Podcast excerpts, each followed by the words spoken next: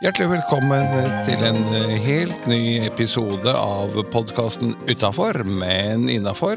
Levert fraktfritt til deg av Parkinsonforeningen i Oslo og Akershus. Programleder for denne episoden, Edgar Waldmanis.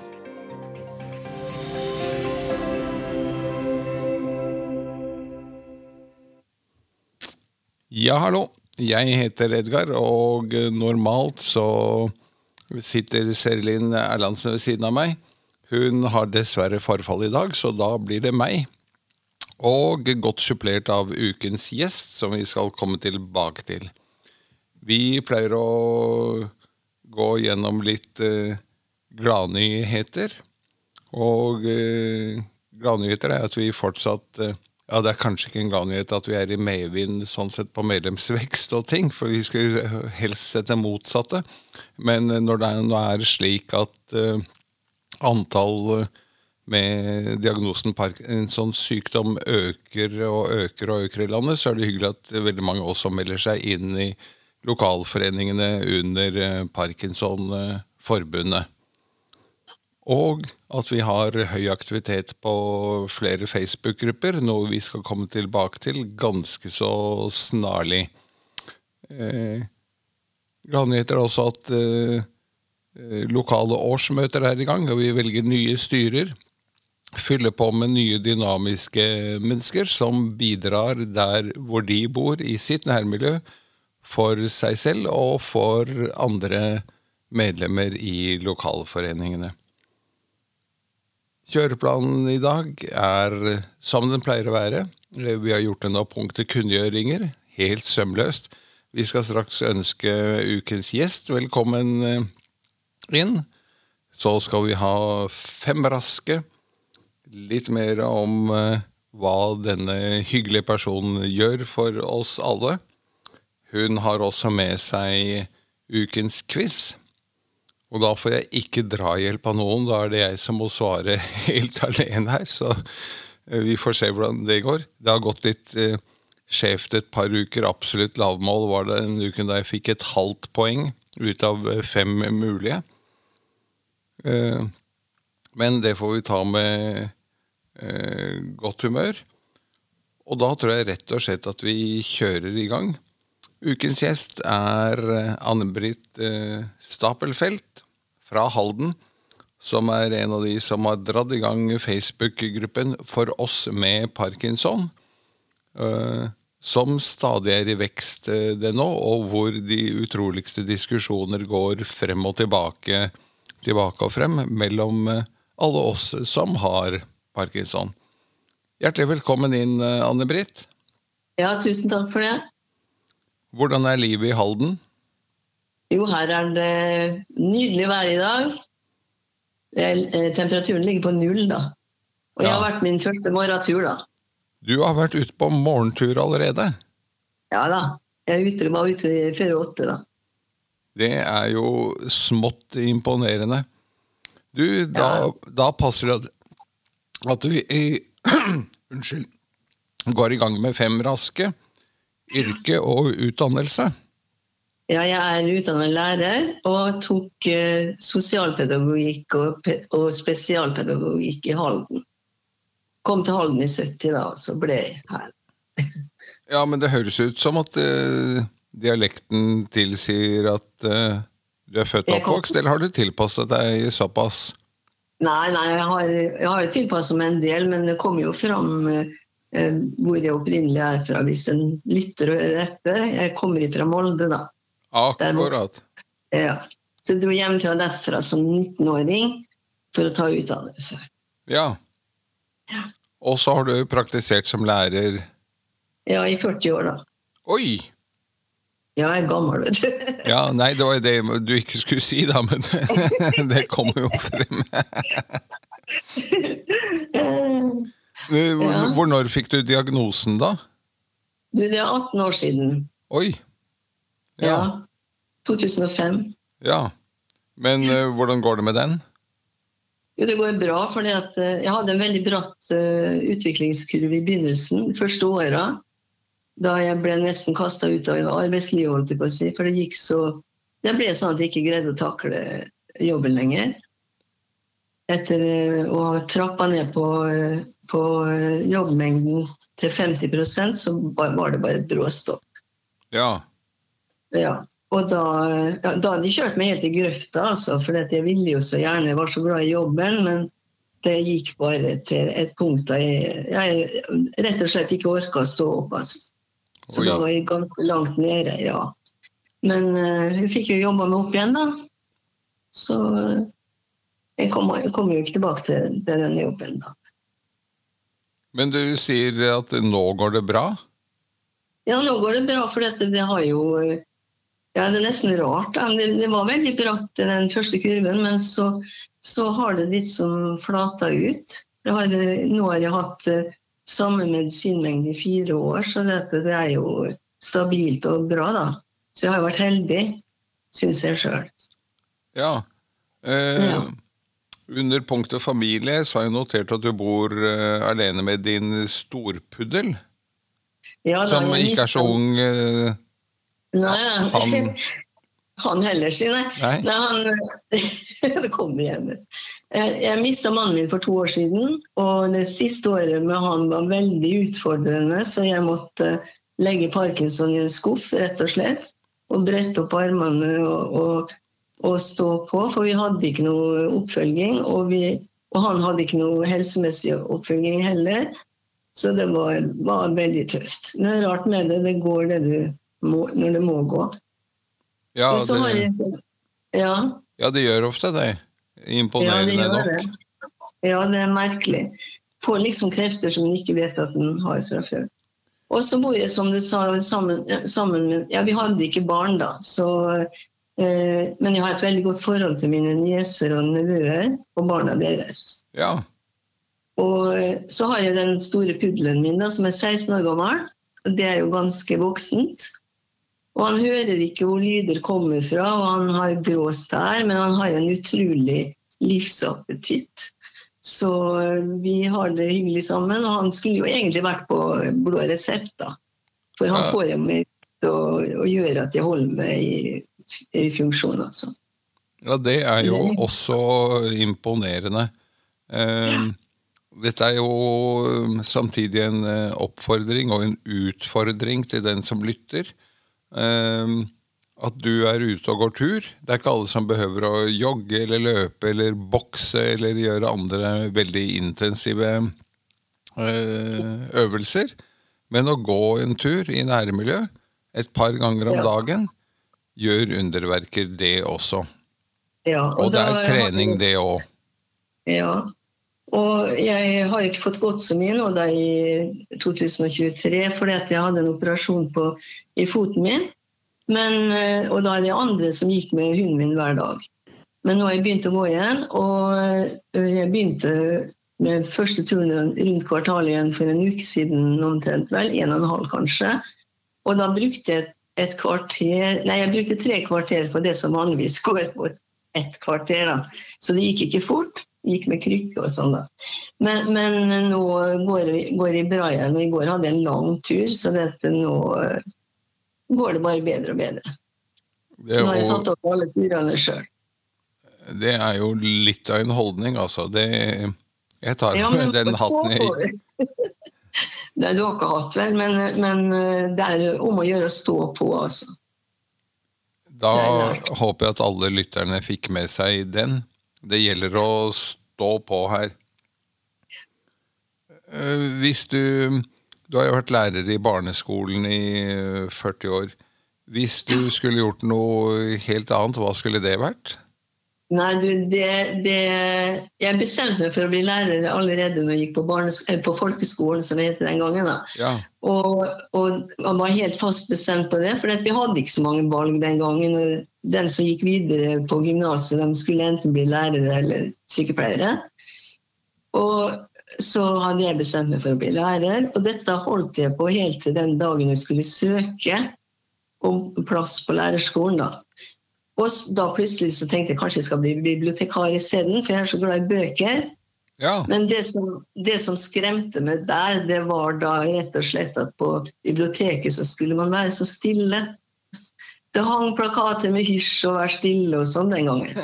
Og da, og da ombestemte jeg meg, for jeg ville heller ha litt liv rundt meg. Og da ble det skolen. Ja. Men det er jo utrolig. Eh, noe fun fact, da? Det som få vet om deg?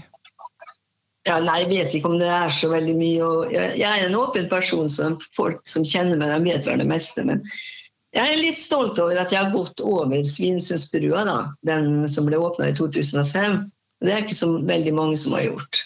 Eh, nei, for det er vel i gråsonen til at det er tillatt? Ja, det, ja men det var akkurat før det ble åpna. Så da hadde vi, hadde vi sånn fest der ute som, eh, som vi samla alle skolebarna i, i eh, byen. Og da gikk vi over, Ja, over den brua. Ja. Så det var jo litt av en opplevelse, da, i hvert fall. Ja, det vil jeg si. Og så har jeg gått, eh, eh, har jeg gått nye Besseggen med en valp i armene. Det syns jeg også er litt eh, heftig. Ja, Hadde ikke gjort det i dag. For det var ganske bratt, og så var den lille valpen den turte ikke å gå på det bratteste, så da måtte jeg bære den. ja. Du stiller opp. Ja, jeg måtte jo det. Ja, Ja. Vi måtte jo komme oss ned. nemlig. Nemlig. Ja, ja da. Nei, det, så det er jo sånn ja, litt sånn morsomt å Ja. tenke på i hvert fall. Du, litt eh, så vidt tilbake til diagnosen. Eh, Ja. Var det fort gjort? Nei, det var ikke fort gjort. Jeg, eh, jeg, jeg hadde eh, jeg hadde jo den sykdommen Man bruker jo å si at eh, man har sykdommen lenge før han slår ut. Ja, Jeg, er helt sikker på at jeg hadde den i ti år før han slo ut. Og, og, og legen min ville ikke høre på meg. Han sa nei, det er bare nerver. Og det var så ille med meg at jeg har, har jeg tid til å fortelle det Ja, at jeg var på et seminar i Oslo. Og når jeg kom tilbake igjen, så skulle jeg jo redegjøre for det vi hadde lært. Eh, Så ble jeg så tørr i munnen, og en kollega kom med et glass vann for at jeg skulle få ordna meg litt. da. Og, og da, da greide jeg ikke å, å løfte det glasset opp til munnen. Prøvde flere ganger og greide ikke, for handa mi skalv så fælt. Og etter det møtet så kom det en kollega og sa Anne-Britt, nå må du komme deg til nevrolog. Så gikk jeg til min fastlege, og han sa det samme som han pleide å si, at eh, du, eh, du, er, du har alltid vært sånn nervøs, du. Gå hjem og læ- lær deg å slappe av. Det var omtrent den tonen. oi. Men så hadde jeg, heldigvis, hadde jeg heldigvis to fingre på hver hånd. Den ytterste fingrene på hver hånd hadde meldt seg helt ut. Den, bare gikk, sto ute på siden. Ja. Og så sier de det til henne, og da fikk han litt fart på seg, og han sendte meg da av gårde. Og jeg fikk jo diagnose med en gang, for hun så jo med en gang hva, jeg, hva som feilte meg. For jeg hadde jo dette der karakteristiske stivna mimikken. Maskeansiktet, liksom. Ja, Og, og det hadde jeg jo sett sjøl, for dette de så i speilet på sidespeilet på bilen, så så jeg jo et forferdelig surt fjes, og det kjente jeg i grunnen ikke igjen, for jeg brukte ikke å være sur. Så, og så gikk jeg litt rart. Det, hadde det var også, Jeg hadde litt sånn hoppende ganger og sjangla litt og sånn. da. Så det var jo tegn på det. Ja, Jeg fikk jo sånn, kom jo til desken, og sånn da, og det ble jo helt klart at dette var Parkinson. ja. Utrolig at sånt skal ta så lang tid. eh. Ja, men det, ja, det er jo, de er vel kanskje flinkere i dag enn de var da. Det er vel både og, tenker jeg, i dag òg. Det er nok øh, det, og det, det jeg hører, da, er at øh, som du antyder, ofte stopper opp øh, hos fastlegen, som vil ha noe pålegg om at han, hun, hen ikke skal sende så mange av sine pasienter til spesialistene, Ja, ja. og skal stoppe mest mulig hos fastlegen, og så gjør de jo det. Og i visse tilfeller så viser det seg jo at det er, at det er helt feil, fordi som du sier, da har pasienten faktisk eh, Parkinsons diagnose. ja. Men du gjør jo mye for, eh, for saken. Jeg har notert at du er en av to likepersoner i Østfold. ja, det stemmer det. Eh, Jeg har, jeg har vært på kurs i, i, i Parkinsonforbundet, da. Ja. Og, og jeg vil jo anbefale andre å bli like person. De, søker jo stadig etter folk der. For det er ikke noe vanskelig jobb, for du bare byr på det sjøl, egentlig. ja. Og- Men hvor ofte, men- blir du, hvor ofte blir du kontaktet? Nei, ikke så veldig ofte. Det er ikke noe sånn jobb du blir uh, utslitt av. Nei. Men eh, det hender at det kommer en telefon eller en mail fra en som er nydiagnostisert, og det er helst der jeg har, har jobba, da. Og, og det, det er veldig interessant, altså. Ja. Og jeg har jo en diagnose som er såpass bearbeida at jeg kan greie å la være å framheve meg sjøl når det kreves. Så ja, jeg syns det har gitt meg veldig mye, egentlig. ja. Ja. Du har drevet noe Parkinson-kafé også? Ja, fordi at uh, når jeg ble likeperson, så syntes jeg at jeg måtte gjøre noe. Og så hadde jeg hørt at det var mange drev med sånn kafévirksomhet og sånn. da. Og så hver måned så kom det en sånn melding fra Østfold Parkinsonforening om at nå var det kafémøte. Og i Halden var det kafémøte der og der, da, og det og det klokkeslettet. Og jeg hadde ikke hørt om det i det hele tatt. Og så en vakker dag så manna jeg meg opp og dro av sted for å se hva dette var for noe. Og da møtte jeg to menn, og det var det hele. Men vi hadde det veldig koselig. da, Men, men når jeg kom tilbake igjen, så tenkte jeg at det er ikke sånn det skal være. Og så begynte jeg å organisere litt, og nå har vi holdt på i et par år og møttes omtrent en gang i måneden. Og, og drikker kaffe og spiser rundstykke og, og snakker sammen og diskuterer eh, alt mulig. Og så har vi av og til folk utenfra som kommer og, og tar opp et emne sammen med oss. da. Hvor Og mange er dere som møtes? Ja, Sånn det er cirka? 20 stykk. 20 omtrent. Oi! Men det er både med diagnose og pårørende, da. Jo, jo, men eh, det er ikke verst. Og de kommer og de spør jo er det ikke snart kafé og sånn. da. Så det, det har vært litt morsomt. Ja, Men det, nå har vi blitt nå har vi startgropa på en, å bli lokalforening i Halden. Oi! Det, det har vært en sånn møysommelig prosess. Eh, Det har vært sånn firkanta eh, behandling fra Brønnøysundsregisteret og fra banken, og jeg vet ikke hva. Men nå har vi hatt vårt første styremøte. Så nå er vi i gang. Og eh, der er, er jeg med som styremedlem, da. Ja, hvem er styreleder? Det er en som heter Willy Enger, Akkurat. ja, som er lederen. Ja. Og, og hvor, hvor holder. Hvor er ellers knutepunktet for um, Parkinson i Østfold? Er Det er jo Fredrikstad, da. akkurat? Ja, så det er litt, mange av oss kjører ikke bil lenger, og sånn, så det er, det, selv om ikke det er så veldig langt til Fredrikstad, så har det vært litt sånn at folk eh, gruer seg til å dra så langt. Nemlig. Og derfor så er det jo veldig fint å få, få noe eget her, da. Ja. Og de som, bor i, de som bor i Sarpsborg, hva gjør de? Nei, gjør nei, litt- er, vi har noen fra Sarpsborg som har vært med på kafémøtene våre, i hvert fall. Ja. Et par stykker. Ja. Og så har vi, jeg er ikke bare Halden, men det er Halden og Aremark, Aremark som er nabokommunen. da. Ja. ja. Hvor mange medlemmer har dere totalt i Østfold? Nei, du, det, det kan jeg ikke svare på, men jeg vet at det er 30 i Halden. Ja. Ja. Det syns jeg er eh, veldig, veldig bra, jeg. Hvor mange av disse er pårørende? Vet du det? Nei, det er, nei, det er vel omtrent eh, Ja, det, det er vel litt overvekt av eh, oss med diagnose. Ja, for jeg ser eh, i en del eh, eh, av lokalforeningene rundt Oslo, for den saks skyld i Oslo også, hvor vi jo har tre lokalforeninger, Oslo nord, syd og vest, av en eller annen grunn ikke øst. Men i disse tre og i de fire andre lokalforeningene i Oslo og Akershus, så er forholdet nærmest at hvis vi har 100 med diagnose, så er det 20 pårørende medlemmer. Og da lurer jeg på hvor de 80 andre pårørende er, er blitt av.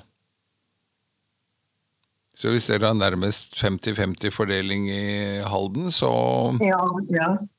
er det Jeg sitter her og tar av meg hatten hele tiden. Kan liksom la den ligge på bordet. ja, du, har glemt hatt. Du vet du har glemt hatt i dag, vet du hva den du skulle Du skulle ha hatt med deg hatten din. Nemlig. Uh, Ja. Denne Du er kanskje mest kjent uh, sånn utad for Facebook-gruppen For oss med parkinson? Ja, men jeg må si en ting til eh, også om det med, som jeg har gjort her i Hallen. Da. Og vi starta også en samtalegruppe for, noen, for åtte damer. Og Ja. da prøvde vi ut et eh, sånn studieopplegg som eh, Parkinsonforbundet hadde. Og sendte tilbakemeldinger hver gang, sånn at de fikk justert den. Så det, det var vi med på da. Den samtalegruppa, kalte vi det, den, den fungerer enda. Jeg har vært med i noen år nå. Ja. Og så kan vi gå over på Facebook, da, skjønner du. ja. Og der begynte det med også med en liten gruppe. For vi, jeg var sånn at jeg hadde lyst til å ha kontakt med andre. Og så starta jeg sånn liten gruppe med tolv damer. Og, og eh, det var folk som bodde over hele landet. Og som, eh, som hadde lyst til å ha, ha et sted å, å prate sammen og sånn. Og vi hadde det veldig trygt og godt og kunne snakke om alt mulig. Eh, og så, så begynte det å bli litt sånn påtrykk på den gruppa, for den, det var jo folk som drev og søkte etter parkinson og sånt. Så fant de den gruppa, men vi ville jo ikke ha med flere, for det var akkurat det med at det var så få som gjorde at det ble trygt og godt. Men så var det Mona Stensrud da, som ville eh, som kom på ideen om å starte en større gruppe der alle som ville kunne få være med. Og eh, den starta den 21.9. i 2014. Så det er snart tiårsjubileum. ja. Og begynte med oss to. Hun spurte om jeg ville være med og hjelpe til, og det sa jeg ja til etter en del betenkningstid. Og i dag så er det jo 1500 medlemmer som står som på den gruppa. Fra hele landet, da. Og Ja. vi måtte jo utvide staben med administratorer til å ha med oss en til, og da har vi Vibeke Aspdal fra Andørja. Så vi, vi eh, skifter om å ha vaktuker. ja. Da. Ja. Ja, for jeg ser at der diskuterer man jo det utroligste frem og tilbake. ja, og du vet at det kanskje, virker kanskje ganske rotete. For den ene dagen så er det forskning, og neste dag så er det noen som har vondt i et ben, og så, og så videre og så videre. Men jeg syns at det er, det er liksom litt sånn sjarmerende og litt sånn uforpliktende det, når, en, når, en, når det ikke er så veldig strikt og strengt. Ja, For vi var med, både Mona og jeg var med i en gruppe som heter Forumet på, på Parkinsonforbundet sin side. Og der var det veldig sånne båser, at en skulle snakke om det i den båsen og det i den båsen. Og, og så var det også slik at, eh, ja, at eh, det var ikke så mange som svarte. Mens her på denne rotete gruppa så kommer, er det så mye kunnskap egentlig at det kommer folk og, og svarer på spørsmål nesten før de får skrevet ferdig. Så det, det har vært veldig fint sånn. ja jeg syns også det fungerer veldig, veldig bra.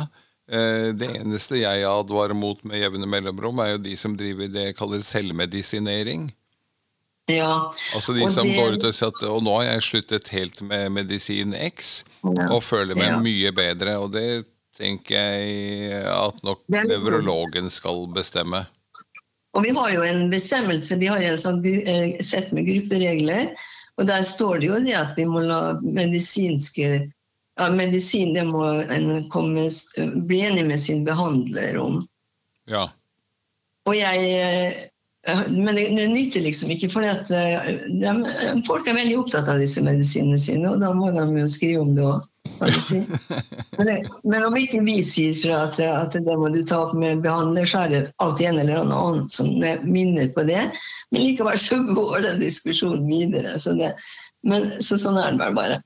Sånn er det Men bare. jeg, ja, jeg har jo en sånn innstilling til medisiner som Jeg bruker jo ikke sånn alarm på telefonen heller, for jeg vil ikke at Parkinson skal styre meg. Jeg vil, styre, jeg vil bestemme over han, altså.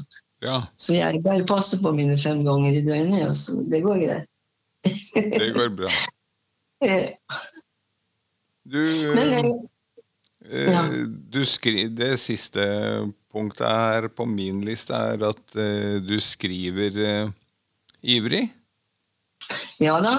Og jeg eh, har jo gitt ut seks bøker etter at jeg fikk eh, diagnosen. Oi. Ja. Og eh, det er jeg i grunnen veldig stolt av, skjønner du. For at eh, eh, Ja, det skal du skrivinga ble en veldig utfordring for meg. For jeg greide ikke å skrive med hånd, sånn som mange på en sånn minimalistisk skrift. Og jeg, når jeg skrev beskjeder på gule lapper, så var det ingen som skjønte hva jeg hadde skrevet. Og jeg skjønte ikke sjøl heller. Nei. Inntil jeg lærte hvordan, eller inntil jeg fant ut hvordan jeg skulle få hjernen til å, å huske hvordan den eh, skrev med hånda. Jeg er veldig opptatt av det med, med at hjernen er plastisk, at vi kan greie å mate inn kunnskaper i hjernen som er glemt, eller som ikke vi greier så godt lenger. Og det med skrivinga, det gjorde jeg på den måten at jeg eh, sa til min hjerne at nå skal jeg skrive, da må, du, må jeg få flytte hånda mi, og jeg må skrive stort. Og dette der må jeg si hver gang jeg skal skrive med hånden. Men så skjønner du, så ble det, ble det eh, utfordrende å skrive på, på tastatur òg. For eh, fingeren ble jo stående på en A, så skrev vi 14 A-er bortover. sånn. Ja. Eller tok feil bokstav, skrev en D eller S istedenfor ja. A eller noe sånt. Og det kaller jeg bare for Parkinson-språk, altså. Men, men, men, men, det var jo sånn at jeg måtte lese korrektur på hvert eneste ord jeg skrev. Og da var det bare å sette i gang og øve og øve og øve. Og øve, og nå i dag så skriver jeg jo ganske uh, greit, syns jeg. kommer jo en annen sånn feil innimellom, men ikke sånn som det var til å begynne med. Og det synes jeg forteller at, at det går an å, å, øve på ting som en har glemt, eller ting som hjernen har glemt. Og hjernen er jo egentlig lat, så det er vi som må, må mate den med nytt. Eller, eller si fra at nå skal det øves her. Ja. ja. Men du får det til. Det er jo seks bøker har det blitt. Ja. Og der det, er det to som er Parkinson-relatert, da. Og de fire andre er Det er, er forskjellig om dikt. En, en har jeg skrevet noe, noe etter mista mannen min, som heter 'Sorgen har ikke vinger'. Og det er betraktninger rundt det med å, å få sorg og miste noen, da. Ja. Og så skrev jeg en som heter 'Sett meg fri', som eh, het, var å bearbeide Parkinson-diagnosen. Ja. Det, var, det var dikt og betraktninger. Men den aller første Parkinson-boka skrev jeg i 2010. Den heter 'Min vei med Parkinson på slep'. Og den kom i nytt opplag i 2011.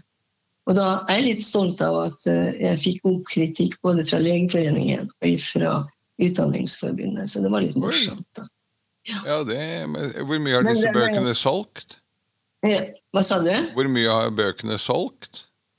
Ja, Det er ikke så store opplag. Det er ikke sånn, det, det, er, jo, det er jo sånn betalingsforlag, kan du si, som betaler jo gilder sjøl og håper på at den går i balanse. Ja, men hva vil det si? Nei, det koster jo en skal vi se, hva var det, 25 000 eller noe sånt å gi ut en bok. Ja, men hvor, mye har den, hvor mange eksemplarer har den beste Ja, det var vel en Jeg tror jeg hadde, hadde 400 eksemplarer bare på den ene. Ja. På den, ja. Så det er ikke noe store opplag og sånn. Men, men, likevel, så jeg har gått i balanse hver gang, altså. Det må vi gratulere med igjen. Men, men, den siste boka mi har jo ikke, jeg har jo ikke tjent mer enn 3000 kroner på den, så det er ikke akkurat noe å leve av. kan jeg si, Men det som har vært drivkraften, er å få gjort det, altså at andre bryr seg om å lese det. og sånn da. Ja. Har du forsøkt deg på de store, eller de etablerte forlagene? Nei, men da, ja, da får du bare tilbakemelding om at uh, vi har dessverre ikke anledning til å gi ut denne boka deres. eller annet sånt. Sånn, de har sånn fast opplegg som de sender til de fleste som sender inn. Det er så utrolig mange som har lyst til å gi ut bøker, vet du. Ja. Så, så, du skal skrive helt spesielt for å få gitt ut, tror jeg. Ja. Ja da. Men det, det spiller ingen rolle, syns jeg. Jeg har nå gjort det. Og det er beundringsverdig nok eh, i seg selv, eh, sier jeg. Du har også med deg det vi kaller dagens ord. Eller et livs... Ja, ja kan jeg, har jeg tid til å fortelle om, eh, om eh, maratonmannen? Vær så god. Ja, for I det første bladet, jeg leste om, eh, fra forbundet, der sto det om maratonmannen. Det var en som heter Roar Eikenes. Han eh, fikk jeg veldig stor beundring for og hadde litt kontakt med ham på mail en periode. Han er dessverre død, og han døde ganske tidlig. Men han fortalte en gripende historie om at han hadde ramla på eh, baderomsgulvet. Det hadde han gjort mange ganger før. Men denne gangen så heller så kom han seg ikke opp. Men han ga seg ikke og strevde. Og mens han lå der, så tenkte han at dette vil jeg ikke. Dette vil jeg ikke være med på. Jeg vil opp. Og jeg vil ut og trene, sånn som jeg har gjort før. Og jeg vil uh, trene sånn at jeg kan springe uh, New York Marathon. Og dette begynte han med der og da, og greide å nå målene sine. Og så sier han, og det er Tenker du som en pasient, da blir du en pasient.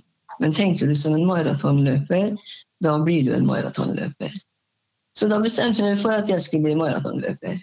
Men ikke bokstavelig talt, altså, for jeg har ikke noe anlegg i den retning. For jeg fikk vel Jeg sprang vel 60-meteren på 12 blank en gang i tida, så det er jo ikke akkurat noe nivå å snakke om. Men den samme, i den samme tida så møtte jeg også ei dame på gata som sa som jeg fortalte at jeg hadde fått diagnosen til. Og hun sa det at da må du huske på Anne-Britt, at du må ikke bli som min far. Da han fikk diagnosen, så satte han seg på en stol, og der ble han. Og disse to tingene de har, de har inspirert meg veldig, da. Så eh, ja. Det prøver jeg å huske på i, i den daglige utfordringen. Ja. Spesielt med å ikke sette seg ned, det har jeg ja, sansen for. Ja. Ja, den, den, er veldig, veldig viktig. For det er noen som tror at det er nå de har fått alle verdens sorger og, be, eh, og, bekymringer i hodet, og, der, og så orker de ikke å, å komme seg videre, altså. Nei. Så, men det går an å sette seg mål. Man må sette seg mål der en er. Noen, må, noen eh, er det nok å komme som på stolen. Det er liksom ikke. Ja, og dørstokkmila komme forbi ja. ja, det er sånne, sånne småting. Og må, må ikke sammenligne seg med andre. For vi er så forskjellige, og vi med Parkinson er like forskjellige som alle andre folk i samfunnet. Så det er Ja. ja. Eh, Men Ja. Du har med deg et dikt? Ja, for et, et eh, dikt er iallfall en betraktning. Eh, og det er et annet ord som heter takknemlighet. Og det skrev jeg under pandemien. Det var en måned før mannen min døde. Og eh, vi hadde jo ikke lov å klemme folk eh, som vi traff. Og eh, så var det en lita jente i nabolaget som sa at kan jeg sende en klem, mamma, isteden?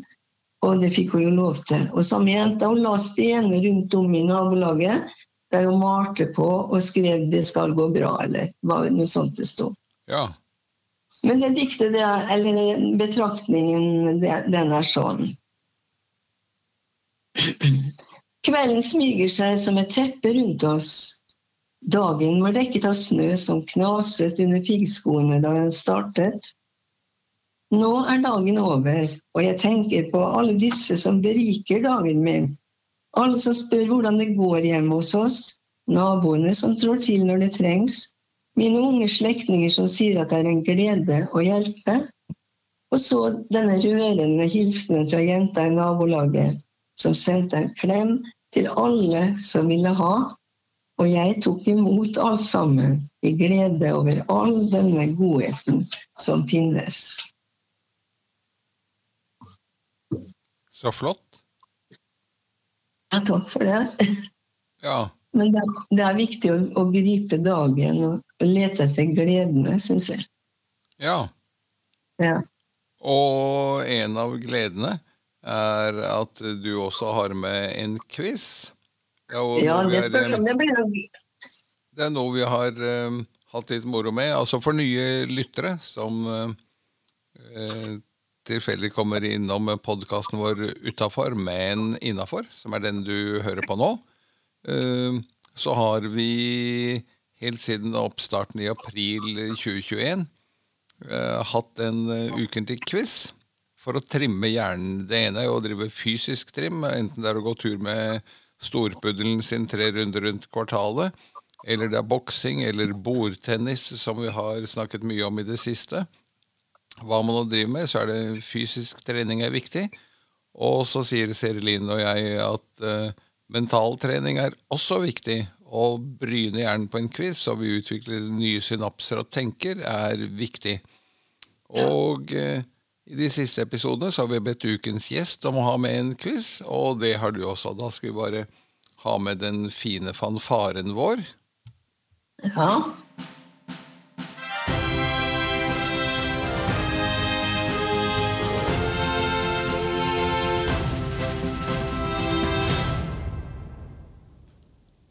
Vær så god. Da, ja, da jeg laga en quiz om Norges geografi. Og jeg har da konsentrert meg om det området jeg bor i. Så nå skal vi høre hva du vet om uh, Halden. Oi. Jeg har en svigermor derfra, så kanskje det oh, ja. hjelper. Ja, det kan godt hende det. Da, da, men nå begynner jeg med Jeg har noen lette spørsmål innimellom. Det er fem stykker her, da. Og eh, de, lette, det, må jo være noe lett, så alle kan være med og svare. Nemlig. Så da begynner jeg med nummer én, som heter Hva heter festningen i Halden? Det vet vel du da?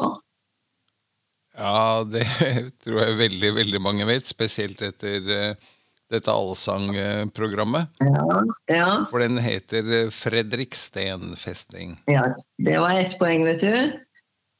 Ikke Så kommer det Nei, det er ikke verst. Bra, det der.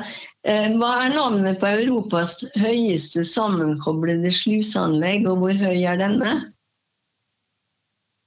Det må jo være slusene på Ørje, det da, tenker jeg. Siden det er Nei, du som Nei! Nei, hei. er- det er nok nærmere nærmere enn? Ørje. Men det ender jo Det jo Det er en forbindelse til Ørje, da, men eh, det er ikke, det er ikke Ørjesluser. De er ikke så høye. Nei, hei. Eh, men er de en del av et større anlegg? Er det Ja, Altså I Norge kan- kjenner jeg bare til to sånne sluseveier. Det ene er jo Telemarkskanalen, og det andre er det jeg trodde het slusene ved Ørje.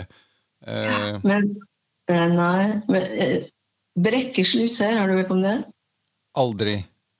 Nei, og det er, eh, begynner oppe i Det er fra Halden, da.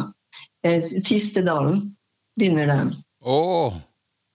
Eller slutter, kan du si. alt Og der er det det, det, den er, det er 266 meter høyt, fordelt på fire kammer.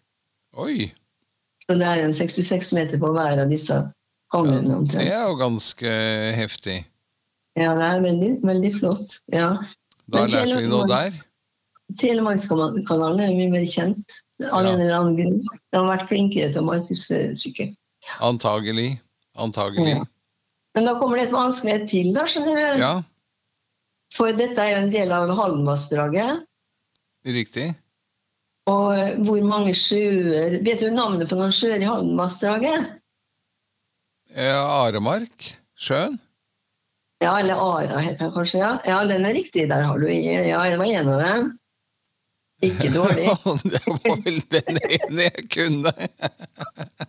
Ja, Den største, største da, den er nærmest Halden. Den heter Femsjøen. Ok. Men Det er fem sjøer, da. Ja. Og hva heter de fire andre, da? Aspern, Øymarksjøen og Rødnessjøen. Ja. Jeg må tydeligvis eh, lese meg opp på dette. Det er sikkert ikke så mange som vet det. Nei. Trøster deg- trøster deg med det. Så kommer det et lettet igjen. Det vet selvfølgelig du når du har vært i Halden. Hvilke to byer er nabobyene til Halden? Eh, Ja, den ene vil jeg jo da tro var Sarpsborg. Ja, riktig. Halvt poeng. Regner vi Fredrikstad som en naboby? Nei. Nei. holdt på å si eh, Nordby kjøpesenter. ja, da begynner å nærme det. ja, oi, men da er det vel Strømstad, da? Ja, da er det Strømstad. Godt gjort. Det er riktig. Det er nærmeste byen. Ja. Og så til slutt Hvor mange poeng har du nå? Har du, har du, har du huska på å regne sammen? Jeg har vel kanskje to til sammen her, sånn. Nå Ja, halve, halve poeng for å kunne Aremarksjøen. Armarksjøen, ja. Eh, Da var det siste. Hva heter Norges høyeste bygg, og hvor ligger det? Norges høyeste bygg. Mhm.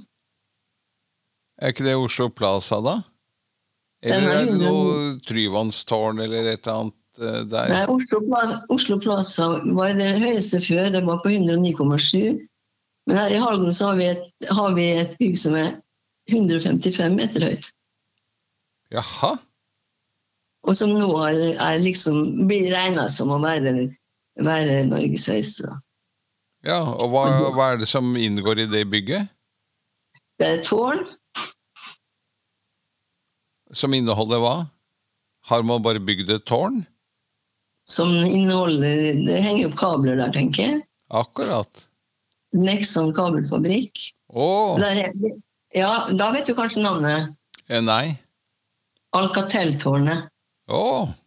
Ja, se det. Ja. Og det er eh, 155 meter høyt, så det er jo mye, mer, mye høyere enn eh, Oslo Plaza. Ja. Og det står, det står på nettet nå i oversikter over høyeste bygg. Det står den nevnt som den høyeste. Så det stemmer, det, altså. Det er eh, tydelig at vi som bor i hovedstaden i hvert fall må lese oss opp eh, på, på litt geografi og andre Ja, var, ting utenfor gryta. ja det er akkurat det. Ja da, så det finnes jo ting utafor Oslo òg, vet du. Det gjør uh... Men ja, jeg syns det var litt morsomt å ha, ha eh, geografispørsmål herfra, ja, for da er det jo kanskje noen som får lært seg noe nytt. Nemlig. Og Ja. eh, altså disse quizene våre er ganske åpne. Eh, noen ganger er det historiespørsmål, noen ganger musikk, noen ganger geografi. Og av og til er det litt blanda ball. Ja, det er riktig. Så, men eh, du skal få et eh, dilemma i retur. Det er også en, Ja. en spalte vi har innført, hvor eh, Ja, du må velge ett av to onder.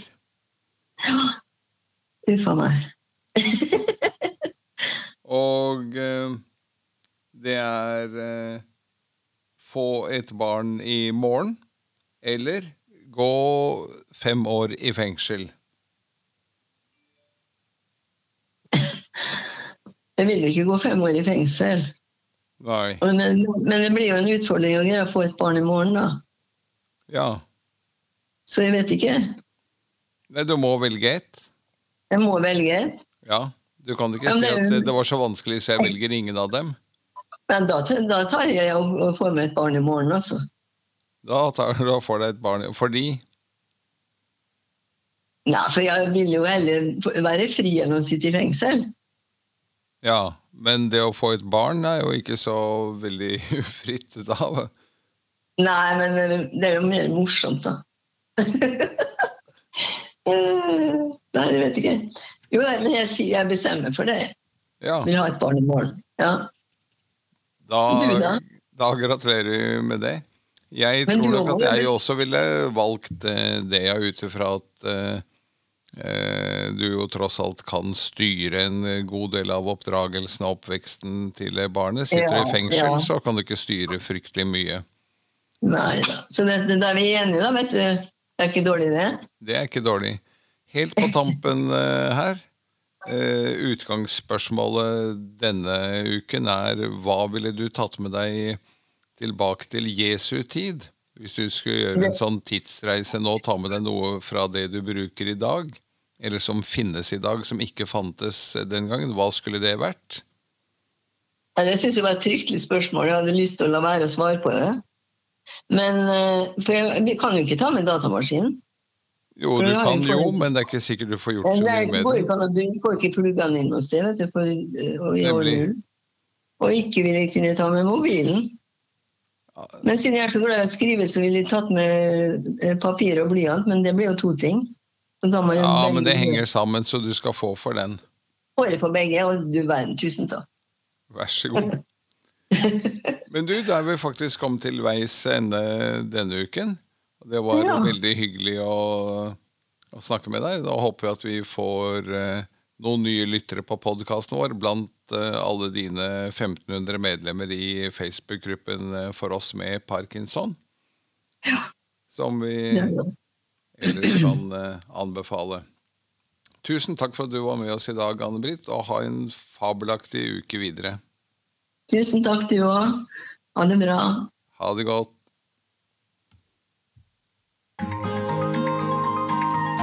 Det var alt vi hadde i denne episoden av podkasten Utafor, men innafor. Programleder Edgar Waldmanis fra Parkinsonforeningen i Oslo og Akershus.